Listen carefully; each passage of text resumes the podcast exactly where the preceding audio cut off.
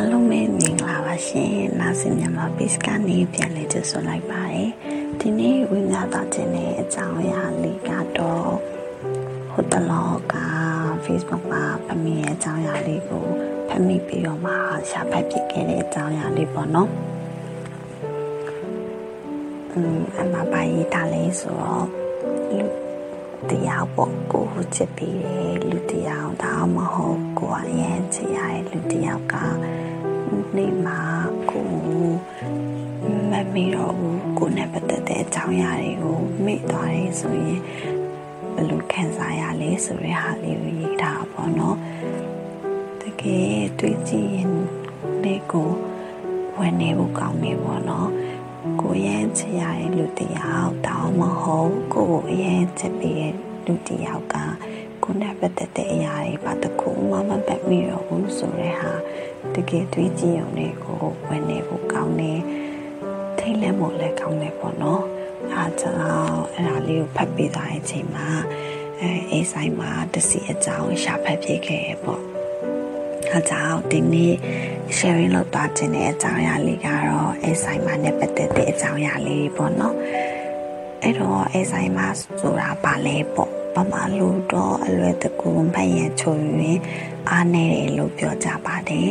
။อืมအဲဆိုင်မှာဘာကြောင့်ဖြစ်လဲဆိုတာကိုတော့ဒီနေတဲ့ဒီကိုတည်တည်ကြကြပြောလို့ရတာမရှိသေးဘူးပေါ့နော်။ဒါပေမဲ့ neuroscientist တွေလေ့လာထားတဲ့လေ့လာချက်တွေအရဆိုရင်တော့အဲဆိုင်မှာ disease ဆိုတာက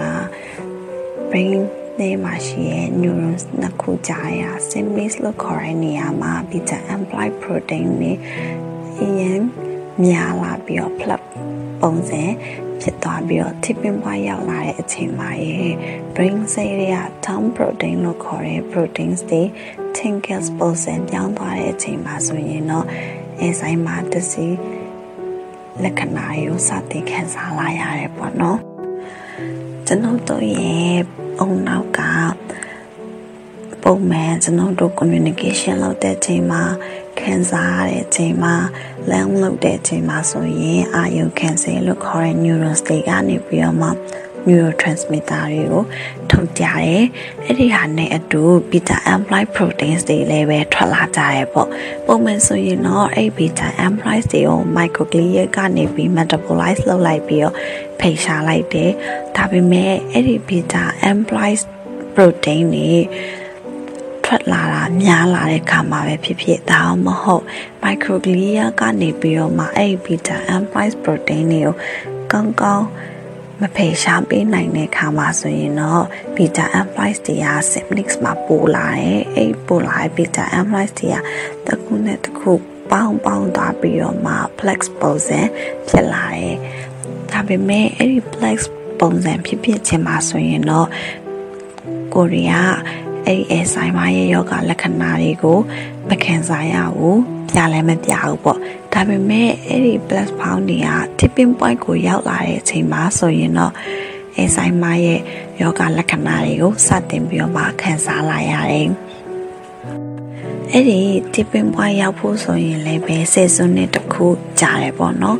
အဲ့ဒါကြောင့်မလို့လေအသက်ကြီးလာတာနဲ့အများအဲဆိုင်မရဲ့ risk ပုံပြီးတော့မှများလာတာဖြစ်တယ်ပေါ့နော်အဲ့တော့အဲ့ဒီ beta amyloid plex point tipping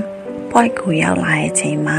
neuron state synapse တွေကအရင် hyperactivated ဖြစ်လာတယ်။ဖြစ်လာပြီးတော့ brain state တွေက tom protein တွေကလည်း tinkers ပုံစံပြောင်းသွားတယ်။အဲ့ဒါကြောင့်မို့လို့ပဲ brain cells တွေ inflammation ဖြစ်တဲ့ damage ဖြစ်ပြီးနောက်ဆုံး brain cell death တွေရမယ် synapse တွေပျက်စီးသွားတယ်ပေါ့နော်။အဲ့ဒါကြောင့်မို့လို့ကျွန်တော်တို့ရဲ့ memories တွေ loss ဖြစ်လာတယ် daily activity လောက်ဆောင်မှုတွေအားနည်းလာတယ်ကိုယ့်ရဲ့ကျန်တဲ့တခြားသောအကြောင်းအရာတွေကိုမေ့လာတဲ့အားတွေဖြစ်လာတာပေါ့နော်อืมဒါအပြင်နှုတ်တို့ရဲ့ DNA ထဲမှာ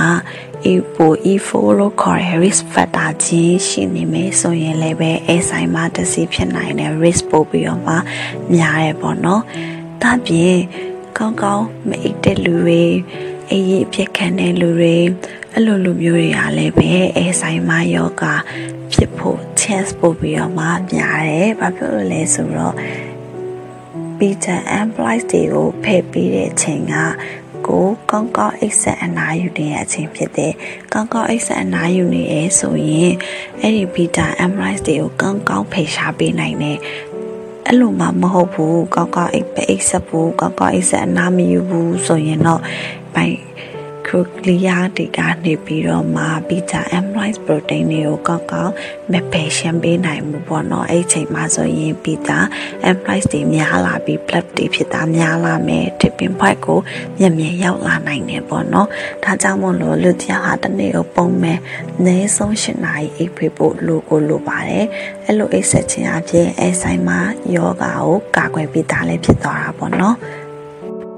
อืมနောက်တစ်ခုကကြတော့ သွေးတိုးယောဂရှိတဲ့လူတွေ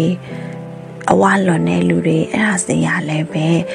အဲဆိုင်မှာတစီဖြစ်ဖို့ chance များတယ်။အဲ့တော့လေ့လာတွေ့ရှိချက်တွေရဆိုရင် aerobic exercise လုပ်ခြင်းဟာအဲဆိုင်မှာယောဂလက္ခဏာကိုကာကွယ်နိုင်တယ်လို့တွေ့ထားရပေါ့နော်။ဒါကြောင့်လေ့ကျင့်ခန်းပုံမှန်လုပ်ခြင်းဟာလည်းပဲအဲဆိုင်မှာယောဂတွေကိုကာကွယ်နိုင်တဲ့နည်းလမ်းတစ်ခုဖြစ်တယ်ပေါ့နော်။ပြီးရင်စီးကျုပ်ယောဂရှိတဲ့လူတွေပြီးရင် သွေးထဲမှာဂလူကို့စ်တွေများနေတာဆိုရင်လည်းပဲအဲဆိုင်မှာဖြစ်ဖို့ chance ပုံများတယ်။ဒါကြောင့်မို့လို့တကြားတက်တွေ short ဆိုင်ရမယ်၊ဆေးလေးတောက်တာတွေရှောင်ကျင်ရမယ်။အဲ့လိုအစာတောက်အနေတိုင်းခယူးဆိုင်ခြင်းကလည်းပဲအဲဆိုင်မှာယောဂဖြစ်ဖို့ chance နေသွားအောင်ကာကွယ်နိုင်တာပဲဖြစ်ပါတယ်။อืมအဲ့ဒါအပြင် စာဖတ်တာ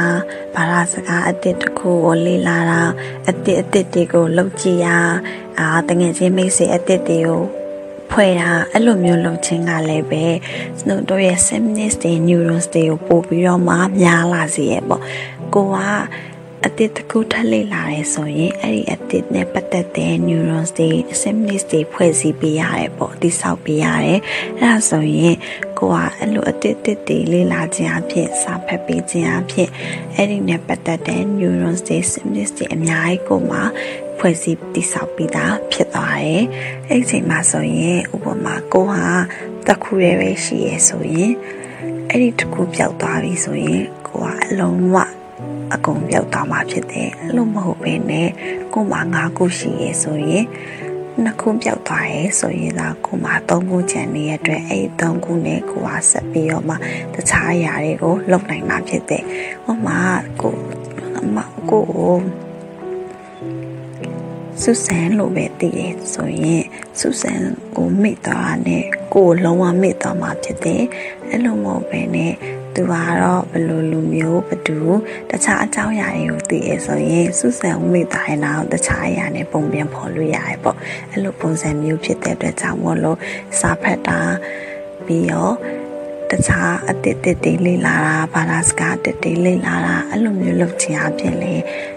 အဲဆိုင်မှာယောဂလက္ခဏာတွေကိုကြိုတင်ကာကွယ်နိုင်ပြီးတော့မှ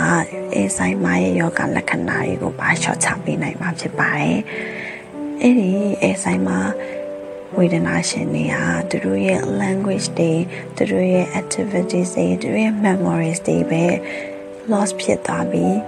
ပျောက်ဆုံးသွားတာပဲဖြစ်တယ်ပေါ့နော်သူတို့ ရဲ့ emotions တွေသူတို့ရဲ့ခံစားမှုတွေကတော့ခံစားနိုင်တော့မယ်ဖြစ်တယ်။ဒါကြောင့်မို့လို့အဲ့လိုဝေနာရှင်တွေကိုပို့ပြီးတော့မှဂရုစိုက်ပေးရမယ်။ပို့ပြီးတော့မှကျင်နာရမယ်။ပို့ပြီးတော့မှ left တွေအများကြီးပေးရမယ်ပေါ့နော်။အဲ့လိုမျိုးလုပ်ခြင်းအဖြစ်အဲ့ဒီဝေဒနာတွေအဲ့ဒီလက္ခဏာတွေဟာနောက်ဆက်တွဲလက္ခဏာတွေခံစားရတာနေပါလာမှာဖြစ်ပါတယ်။ အဲဆိုရင်တော့ဒီနေ့ဝေမျှသွားတဲ့အကြောင်းအရာတွေကတော့အဲဆိုင်မှာတစ်စီအကြောင်းလေးပဲပေါ့နော်။ပြပြဆုံဆုံလေးတိလောက်ပြီလို့လည်းထင်ပါတယ်။ဒါဆင်ပြီးခဲ့တဲ့လူတွေအားလုံးကိုကျေးဇူးအများကြီးတင်ပါတယ်ရှင်။